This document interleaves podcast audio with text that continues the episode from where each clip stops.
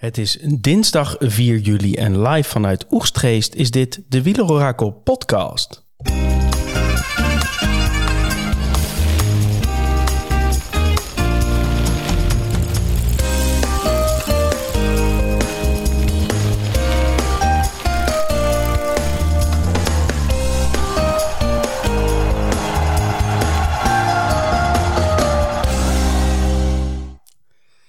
Ja, zitten we een keertje niet met Thomas, maar met Daniel voor de tweede dag op rij. Welkom, Stadsontcycling.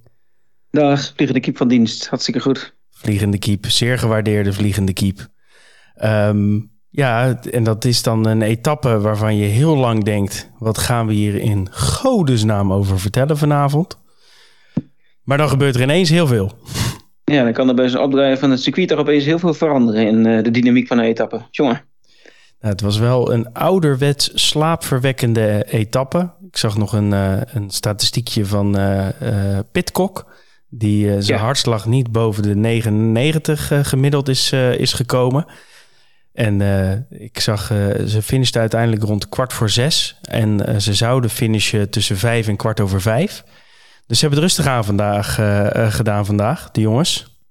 Ja, vaak heb je zo'n wandeletappe nog wel eens uh, ergens zo halverwege de, de tweede week of zo. Dat ze dan uh, echt even toe zijn aan wat rust. Maar uh, volgens mij dachten ze van nou laten we vandaag maar rustig gaan doen met alles wat gaat komen de komende dagen.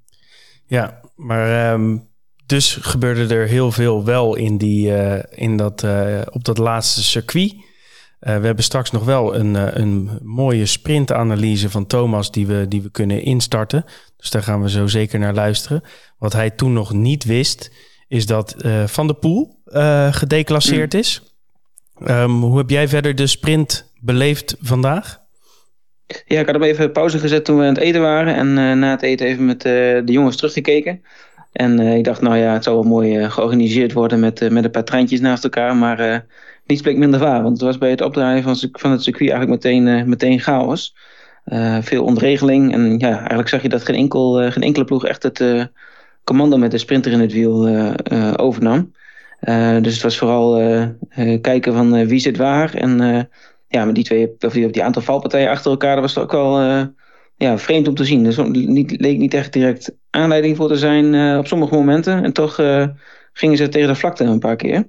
Ja, dus, waar, waar, we gisteren bang voor waren. Ja. Dat, dat gebeurde vandaag. Maar licht onverwacht wel inderdaad. Geen hindernissen, geen nou ja, hindernis in de zin van wel een circuit natuurlijk met, uh, met chicanes en, en dergelijke. Maar ja, blijkbaar... Ja, er gisteren juist nog weer, eh, weer lof over gesproken. Hè? Dat het nu, nu dan die, die etappe zo veilig zou zijn... omdat het allemaal van die ruime, brede bochten waren. Lange rechte stukken. Maar ja, niet minder gevaarlijk blijkt maar weer. En Van de Poel die... Um, uh, die deed in ieder geval een, een geweldige lead-out. Wel gedeclasseerd mm -hmm. dus, omdat hij uh, in die lead-out een klein uh, beukje gaf aan onze vriend Girmay. Ja, Bini, ja. Maar uiteindelijk won, won Jasper Philipsen wederom. En wederom ook dankzij Van der Poel. Zullen we maar eens luisteren naar de, naar de sprintanalyse van onze Thomas? Dan, ja, wel eens benieuwd wat Thomas ervan denkt. Die, die, neemt je helemaal mee vanaf dat we het circuit op gaan. Komt-ie. Ja, goedenavond jongens. Wat een ongelofelijke gekkigheid. Wat een chaos deze eh, sprint-etappe 4. Hele etappe niks gebeurd. Keurig netjes vanaf een kilometer of 20 tot aan een kilometer of 5 voor de streep. Lekker met de ploegen naast elkaar. En vanaf dat moment totale chaos. We pakken hem even op vanaf het moment dat we het circuit oprijden. Het is Mohoric die daar een flink tempo ontwikkelt. En Jumbo zit er goed vooraan. Het is zelfs Vingegaard die er nog zit. En ze zijn goed vertegenwoordigd. Daarachter is het zoeken. Er zijn wat mensen op achterstand geraakt, uh, die wat verder zijn, verderop zijn gekomen. Jacobsen zit wat ver, Philipsen zit wat ver. En het tempo van Moritz is dusdanig hoog dat er niet echt wordt opgeschoven. Volgens is het wat zoeken naar de teamgenoten. En in dat gezoek, op een kilometer, een kleine twee kilometer voor de streep, zien we hem opeens gaan. Valpartij Jacobsen. Als ik het zo zie op de eerste beelden, denk ik dat hij een, uh, een klein kwakje kreeg van Philipsen. Waardoor hij uit evenwicht kwam en uiteindelijk met zijn schouder het asfalt raakte. Zag er niet goed uit. Guarnieri viel mee. Exit Jacobsen voor deze etappe. Vervolgens zien we op kop dat eigenlijk Cofidis en Kokar het het best voor elkaar hebben. Alhoewel Kokar in tweede positie zit. Uh, dat is natuurlijk niet ideaal. We zien de mannen van Uno X die er prima zitten met Christophe. En daarachter is wat zoeken. Ewan zit er goed bij, maar Philipsen zit nog erg ver. Vervolgens draaien we verder. Het zijn wat van die bochten die je, ja, als je de apex goed pakt en je snijdt hem buiten, binnen, buiten, reizen makkelijk. Maar ze worden ook niet helemaal goed gereden. Ook die Koffiediesman begint binnen, eindigt buiten. Het is rommelig. Iedereen is aan het zoeken. En we zien dat onder de vod, dat elkaar denkt, ja, wat moet ik hier nu? Ik zit hier nu veel te ver naar voren. Wordt het commando overgenomen door de mannen van Uno X. En vervolgens zien we dat er eigenlijk een soort iets ontstaat van... oké, wie gaat hier deze sprint aantrekken? We zien Philips en Van der Poel nog steeds niet. Zit op plaats 15 à 20. Philippe zit opeens voorin. Wat doet Philippe daar? Gaat hij meesprinten? Ja, uh, Jacobs is gevallen, dus waarom niet? Oké, nou vervolgens trekt Uno X die sprint aan. Maar het is allemaal niet overtuigend. En dan is het moment daar. Op een meter of 500 van de streep denkt Van der Poel... kom op Jasper, we gaan. En hij zet zich naar voren en op 400 meter zet hij aan. Hij geeft Girmay een schouderduw. Kan dat daar nog naar gekeken wordt. Maar ja, uh, het is een duw in ieder geval. Vervolgens trekt hij zo hard door dat hij als enige zo'n snelheid genereert. Philips in zijn wiel. Masterclass lead-out van Van der Poel. En Bauhaus die probeert in het wiel van Philipsen nog mee te gaan. Lukt hem ook naar een mooie ereplaats.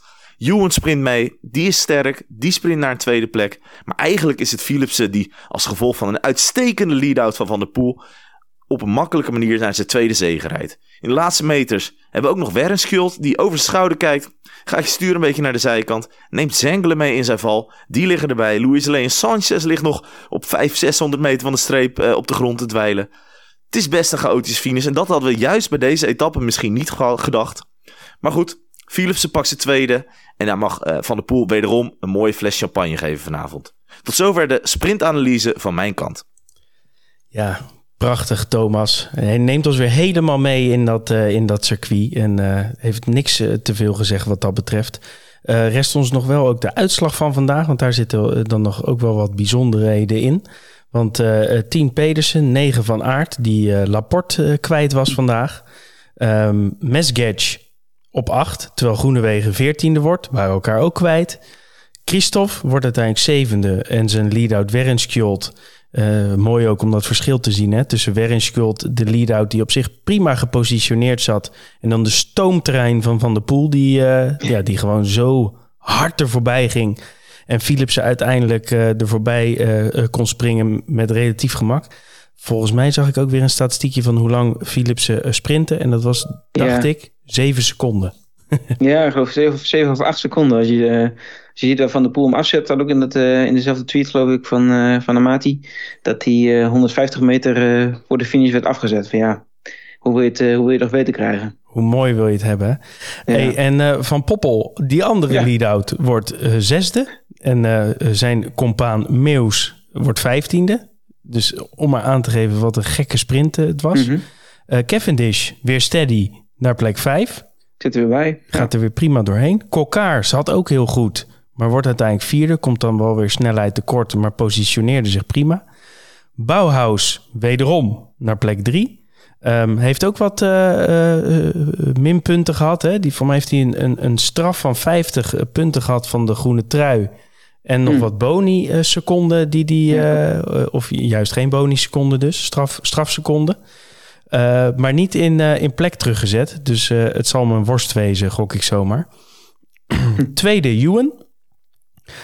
Ja, behoorlijk steady. Had niet iedereen uh, verwacht dat... Nee, uh, voor de Tour helemaal niet. We hebben ja. in de, de voorbeschouwing volgens mij ook over gehad... dat uh, volgens mij hadden drie van de vier van ons hem bij de don't have staan voor Scorito. Ja, normaal is het zelf altijd zo'n zo'n brekenbeen. Maar hij ja. was wel overtuigd van zichzelf voor de Tour. En dat blijkt terecht. Want hij scoort na gisteren wederom een podiumplaats. Mm -hmm. Maar Philipsen wel ongenaakbaar. Mede door dus die lead-out. Um, ja, mooie. Uh, nee, ik kan het niet echt een mooie sprint uh, noemen vandaag. Ik heb wel een mooie lead-out gezien. Maar ik krijg altijd wel een beetje een naargevoel van al die, uh, al die valpartijen. Guarnieri die viel namens, of eigenlijk samen met, met Jacobsen. Samen Jacobsen, ja. die is er met meerdere breuken ook uit de Tour. Dus dat is wel een, een, um, ja, een pijnlijk ook voor Ewan, hè, die weer een... Ja weer een lead-out mist. Uh, en de buis die rijdt nog rond, maar die, was, die is gebutst. Is ook niet, uh, zit ook niet zo vloeizaam meer bij, nee. Nee, maar Ewan die kan het gelukkig ook wel heel goed zelf dit, dit positioneren. En Jacobsen, mm -hmm. ik las net een tweetje over dat hij flink wat vel kwijt is, maar niet, niet met breuken zit. Um, ja, zo'n ehm, paar pijnlijke dagen krijgen zeiden ze geloof ik bij zijn team. Maar uh, ja. uh, rijdt wel gewoon door en uh, zal vechten naar de finish, finish komen. Was geloof ik de mededeling. Precies. Ja, en ik zag net nog een tweetje dat het dweilorkest, zoals Thomas hem noemde, is met een gebroken schouder of sleutelbeen uitgestapt. Dus die gaan we niet weer zien. Wie was Sanchez. dat? Sanchez. Sanchez, ja. De oude krijger. Van de dweil, wat Thomas zei. Ja, nou ja, dat, uh, het was uh, wat dat betreft een ouderwetse uh, beltjesdag voor de, ja. voor de sprinters. Um, maar ze kunnen inderdaad hun, hun wonden likken. Want we gaan vooral ook natuurlijk voorbeschouwen op de etappe van morgen.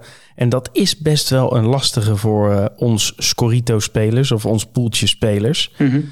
Want um, ja, de dag van morgen kan simpelweg twee scenario's bevatten. Namelijk een vlucht of een uh, klassementsspel. Um, nou ja, Thomas is zo vrij geweest om ook over het parcours nog wat, wat in te spreken. En daarna zijn we van hem af voor, dames en heren. Maar het parcours doet hij nog even vol hartstocht voor jullie. Komt-ie.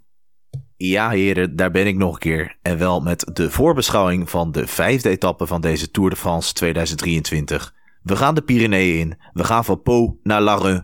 Een etappe afleggen over 163 kilometer.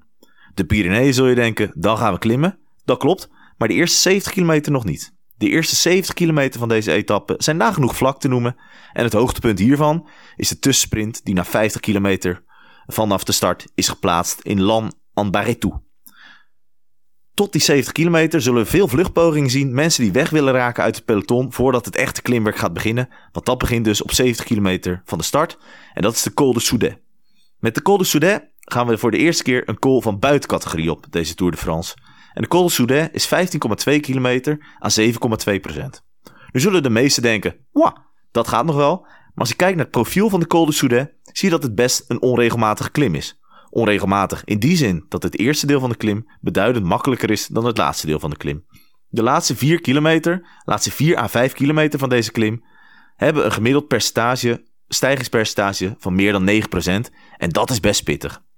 Vanaf de Col de Soudet volgt een lange afdaling met in het middenstuk nog een paar uh, pittige bochten, maar ook een redelijk goede weg en een goed lopende afdaling naar beneden, naar Arret.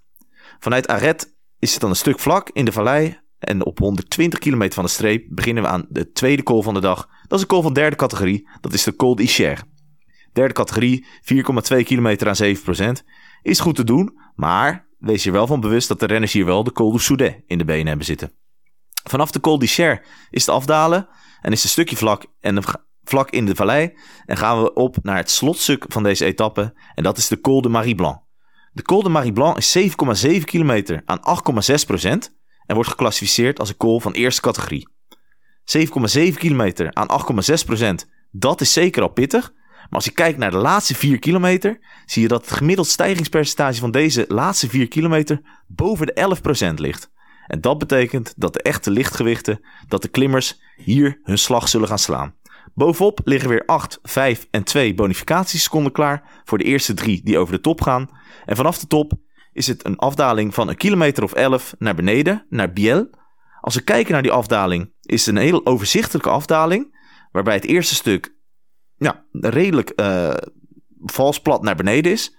En het tweede deel van de afdaling is steiler naar beneden. En daar zitten nog een paar vervelende bochten in. Dus het is zaak voor de renners dat ze wel goed opletten dat ze hier heel huis naar beneden komen. Vanuit Biel is er nog 7 kilometer naar Lareux. En die 7 kilometer zijn redelijk vlak te noemen. Al loopt de weg gemiddeld gezien wel iets omhoog. Maar dat zal niet meer dan vals plat zijn. Na 163 kilometer is het vervolgens in Lareux afsprinten. En kunnen we kijken wie deze etappe heeft gewonnen. En kunnen we ook kijken wie de nieuwe drager van de bolletrui is. Want deze etappe zijn er in totaal 32 punten te verdienen voor de bolletjestrui. En dat betekent dat Nielsen Paulus zich wel enige zorgen mag maken over zijn mooie tricot. Van Po naar Larue, voor de kenners onder ons, die zullen natuurlijk meteen zeggen... hey, dat is een etappe die ik ken, want in de Tour van 2020 ging etappe 9 ook van Po naar Larue. En dat klopt. En weten jullie wie daar won, jongens? Het was de Sloveen. Hij pakte daar zijn eerste etappezege in de Tour de France. Nadien zou er nog erg veel volgen en hij rijdt morgen in een wit truitje. Tadej Pogacar won een etappe in de Tour van 2020 die vrijwel één op één gelijk is aan deze etappe. Hij won daar een sprintje van een elitegroepje renners met onder andere Primoz Roglic, Primoz Roglic en Mico Landa. Zal de geschiedenis zich herhalen? Of krijgen we een vluchtgroep die het haalt tot, tot de finish? We gaan het beleven. Eén ding is zeker, het zal meer spektakel opleveren dan de etappe van vandaag. Ja, dat was weer een mooi staaltje parcourskennis van, van Thomas. En hij gaf ons nog iets mee dat de vorige winnaar in deze etappe, die ook min of meer hetzelfde was, Po naar Larun, dat dat Tadej Pogacar wordt, Daniel. Is dat voor jou ook morgen de favoriet? Uh, als je ervan uitgaat dat, uh, dat klassementsrenners uh, de vlucht weer, weer binnen gaan halen in de, in de laatste, op de laatste klim, dan zou dat zomaar kunnen. Als we met een klein groepje naar de finish gaan en er wordt gesprint, dan denk ik dat er weinig mannen sneller zijn dan Pogacar. maar ik betwijfel toch of ze die, of ze die vlucht wel, wel terug gaan halen. Ik denk misschien dat ze toch ook wel misschien niet met te veel marge een, een, een ja, vlucht, vluchtgroepje willen laten lopen en dat, dat die voor de, de winst gaan strijden. Dus ik zou, ik zou Pogacar niet op, niet op één zetten. Maar ja, als het wel met een klassementsgroepje wordt die naar de finish gaan, dan, dan zie ik weinig andere winnaars. Dus het zou maar zomaar op herhaling worden van, kunnen worden van als een vorige zegen in Larue. Ja, veel gaat natuurlijk ook dus afhangen van uh, waar UAE morgen zin, zin, in heeft. Want zij hebben namelijk natuurlijk ook de gele truidrager uh, Adam Yates in de gelederen. En wil hij zijn gele trui behouden, is natuurlijk de vraag. Um, mm -hmm. Er zitten een paar ingewikkeldheden uh, voor morgen om, dat, om die scenario's te bespreken. Namelijk die behoorlijk vlakke aanloop naar die eerste klim. Hè? De, bijna ja. de eerste 70, 75 kilometer, die zijn um, min of meer vlak. Mm -hmm. uh, en dat is natuurlijk voor de pure uh, klimmers is dat best wel lastig om daar uh, in, de, in de vluchtgroep te komen. nu heb je natuurlijk kans dat, dat het bij elkaar blijft en jagen blijft tot aan die Soudet. Ja, dat pas op de Soudet uit de, ja, de kop op gaat ontstaan. Dat ja. ze daar pas. Maar goed, dan heb je weer de kans dat, het, um, dat ze wat minder voorsprong pakken en alsnog voer voor de haaien zijn. Um, ik heb ook nog gedacht uh, over het uh, scenario van uh, wat wil Jumbo-Visma? Hè? Ook altijd een, mm -hmm. een belangrijke, belangrijke ploeg. Um, maar goed, er zitten bonies op die Marie Blanc. Er zitten bonies bij de finish. Ja. Dus dan zou je denken van ja, waarom zou Jumbo-Visma het risico nemen dat die bonies weer naar Pogacar gaan? Ja, ergens zou de tactiek die ze in de eerste twee etappes hebben, hebben laten zien. Hè, dus vooral rijden op het wiel van, uh, van UAE en van Pogacar. Uh, zou zomaar te verwachten zijn ook voor, uh, voor deze etappe. Ja, wat je zegt met die bonificatieseconden waarvan je ja, bijna wel zeker weet dat als er voor het gesprint gaat worden, dat je weer een paar seconden op je dopper krijgt. Nou ja, en de enige reden om het wel te doen is uh, dat Vingegaard denkt dat hij zo ontzettend sterk is. Ja, dat hij uh, dat hij uh, Pogacar ja. op die Marie Blanc op achterstand kan zetten. Maar ik vraag me af of ze, of ze dat risico willen lopen. Want hij kan dat natuurlijk ook gewoon doen zonder dat hm. die bonies te liggen in de achtervolgende groep. Ja. Um, dus in mijn optiek is, het, uh, is de sleutel echt bij uh, UAE. En dat vind ik heel uh, lastig om te zeggen. Ik denk dat we voornamelijk moeten kijken naar de, de mannen die wel oké okay kunnen klimmen. Maar die al best wel wat minuten aan de, aan de broek hebben. Ja. Um, en dat lijkt mij het meest logische scenario. Op de blog, op onze site, hebben wij allebei de scenario's uitgedraaid volgens de computer. Um, we gaan zo hier in de podcast de um, de vlucht, uh, het vluchtscenario uh, toelichten. Maar je kunt dus ook de GC of het algemeen klassement variant kun je ook uh, teruglezen. Dus ga dat vooral doen. Eén ding wat we ook nog rekening mee moeten houden voor morgen is het weer. En um, nou, het, wordt een beetje, het wordt een beetje nattig. Ai. En dat is altijd wel link. Um, mm -hmm. Sterker nog, de nattigheid neemt toe in de loop van de middag om en rond La Run. En um, dat uh, is, is in mijn optiek ook weer een extra voordeel voor de, voor de vluchters, omdat de klassementsmannen uh, uh, niet extra risico willen nemen. Um, want ja, als die afdalingen of andere of, of wegen nat liggen, ja, dan kan ik me voorstellen dat ze de risico's willen, willen beperken en, ja, en het maar ja. even laten voor wat het is. Ja, dat uh, zou zomaar kunnen helemaal, uh, nou wat je zegt, omdat het echt de eerste, de echte bergetappe is. Uh, om al dat soort risico's te gaan nemen, terwijl het klassement nog ja, eigenlijk voor de grote namen nog helemaal speelbaar is. denk ik niet dat ze dat in, in die afdaling willen forceren. Dus het weer zal vandaag, vanmorgen inderdaad wel eens een grote invloed kunnen, kunnen hebben op hoe de koers zich ontvouwt. Ja op het koersverloop. Gaan we snel naar de, de voorspelling van de, van de computer dan voor de vlucht. Die zegt dan Conrad op 10, Castroviejo op 9, Barguil op 8, mhm. Alaphilippe op 7, Champoussin op 6, Lutsenko op 5, Dani Martinez op 4, Ion Izagirre op 3, Nelson Paulus op 2 en Oeran op 1. Dus een, ja en uh, als je naar die, naar die winstkansen kijkt die, uh, die de computer erbij berekent, uh, viel me op dat volgens de computer meer dan 50% kans is dat, dat de IF morgen de etappe wint. Als je het vluchtscenario geldt. Dus die twee Paulus en Oeran die hebben allebei meer dan 25% kans uh, op etappewinst. Dus uh, dat is wel aardig overtuigend eigenlijk. Ja, en dat zou ook nog wel eens goed kunnen. Het zijn vrij buiters. Hè? Nu, nu uh, onze vriend Carapas is, is uitgeschakeld. Um, mm -hmm. Dus ze zullen ook wel echt vol op de vlucht gaan morgen. En Paulus ja. heeft wat puntjes te verdedigen. Ik zeggen, die mag zijn bergtuin nog proberen te verdedigen. Ja. Heb jij nog wat statistieken voor ons? Nou, dat misschien nog leuk als korte toelichting op het model. Dat in zo'n GC of in zo'n GC versus vluchtscenario, dan maakt de computer wat onderscheid in hoeveel hij meeneemt in de, in de huidige klassementstanden. Dus dat zorgt ervoor dat die vluchters inderdaad dan een grotere kans hebben. En dat de GC-performance dus ook wat minder belangrijk is bij zo'n bij zo'n vluchtscenario. Dus dat maakt dat die twee IRF-renners naar voren kwamen. goed, wat statistieken naar aanleiding ja, van vooral de etappe van vandaag. Um, Jasper Philipsen, uh, tweede keer op rij dat hij uh, de etappe wint. Maar ook de tweede keer op rij dat hij dus op het podium in een etappe finisht. Uh, zijn zestiende etappe top 3 sinds 2021, sinds dat hij grote ronde rijdt. En daarmee staat hij op gelijke hoogte met Primoz Roglic, die ook 16 keer top 3 reed in een grote ronde etappe. ze worden gevolgd door Pedersen, Van Aert en Pogacar met 13. en Cavendish en Kort Nielsen met, met 10 top 3 plaatsen in een etappe van een grote ronde. In de laatste drie seizoenen dus. Uh, nou, Alpecin won gisteren al uh, voor de achtste keer een etappe in een grote ronde. Vandaag dus voor de tweede keer in deze grote ronde. alle grote ronden waarin Alpecin meedeed, wonnen ze een etappe vanaf de Giro van 2021. Dat kan ook geen enkel ander team zeggen sinds die, sinds die periode. En als je naar het totaal aantal kijkt dat, dat Alpecin in die periode won, zijn dat er nu 15. Uh, daarmee staan ze op gelijke hoogte met uh, UAE Team Emirates. Uh, Soudal Quickstep won nog één etappe meer, 16 stuks. En Jumbo staat bovenaan met 19 etappenzegers sinds 2021. Nou, twee sprintetappes op rij. twee etappes op rij, dat op rij winnen, dat lukt er al weinig. en dat lukt helemaal sprinters niet zo vaak.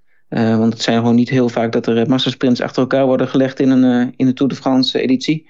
Um, dus dit jaar Philipsen, de eerste sprinter die dat realiseert sinds Groenewegen in 2018.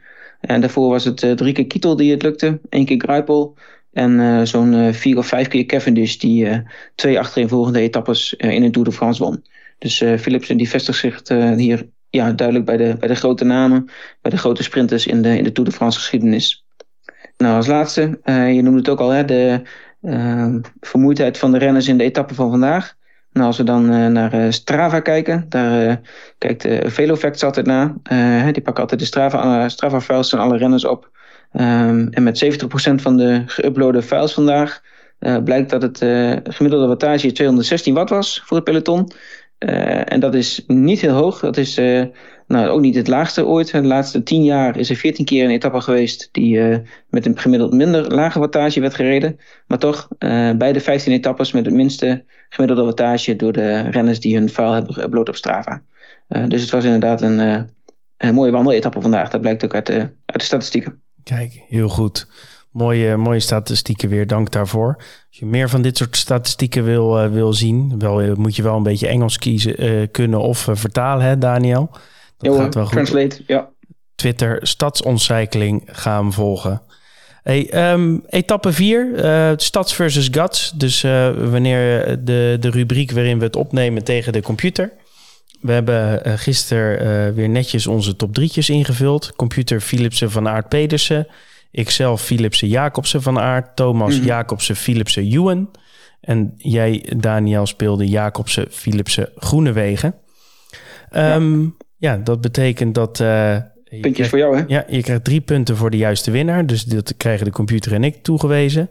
En um, nou Thomas die krijgt een puntje omdat hij Philipsen op de, um, in ieder geval in de top 3 mhm. had, maar niet op de goede plek.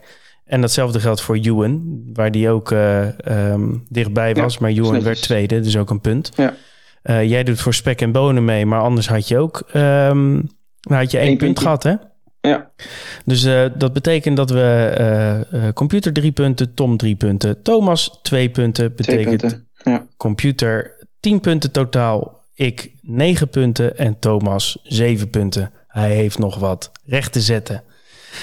Um, en dan kijken we natuurlijk naar de etappe uh, van, van, uh, van morgen. Etappe 5. Mm -hmm. Computer vullen we dus in Oeran, Paulus, Isagire. Ion, wat mm -hmm. doe jij? Ja, ik ben het wel met de computer eens uh, dat we voor een, voor een vluchtscenario moeten gaan voor morgen. Um, en een beetje een, een longshot zet ik Stef Kras op 1. Uh, Kras die verbaasde me wel in die eerste twee etappes in, in de Baskeland. Daar zat hij er goed bij. Hij staat nu ook nog wel redelijk hoog in het klassement. Dus ze zullen hem niet al te veel ruimte willen geven. Maar nou, het zou toch mooi zijn als die jonge Belg een etappe wint. Dus ik zet Kras op één. Gal op twee. Die heeft recent ook een goede vorm laten zien. En zat er in, in de etappes in Baskeland ook nog steeds goed bij. en staat wel wat verder. Dus vandaar dat ik denk dat Gal misschien wat ruimte kan krijgen.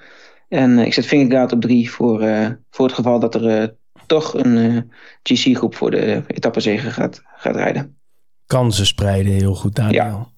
Hey, eh, Thomas die gaat uh, vol voor het GC-scenario. Dus die speelt Pogacar op 1, Vingegaard op 2 en Simon Yates op 3. Mm -hmm.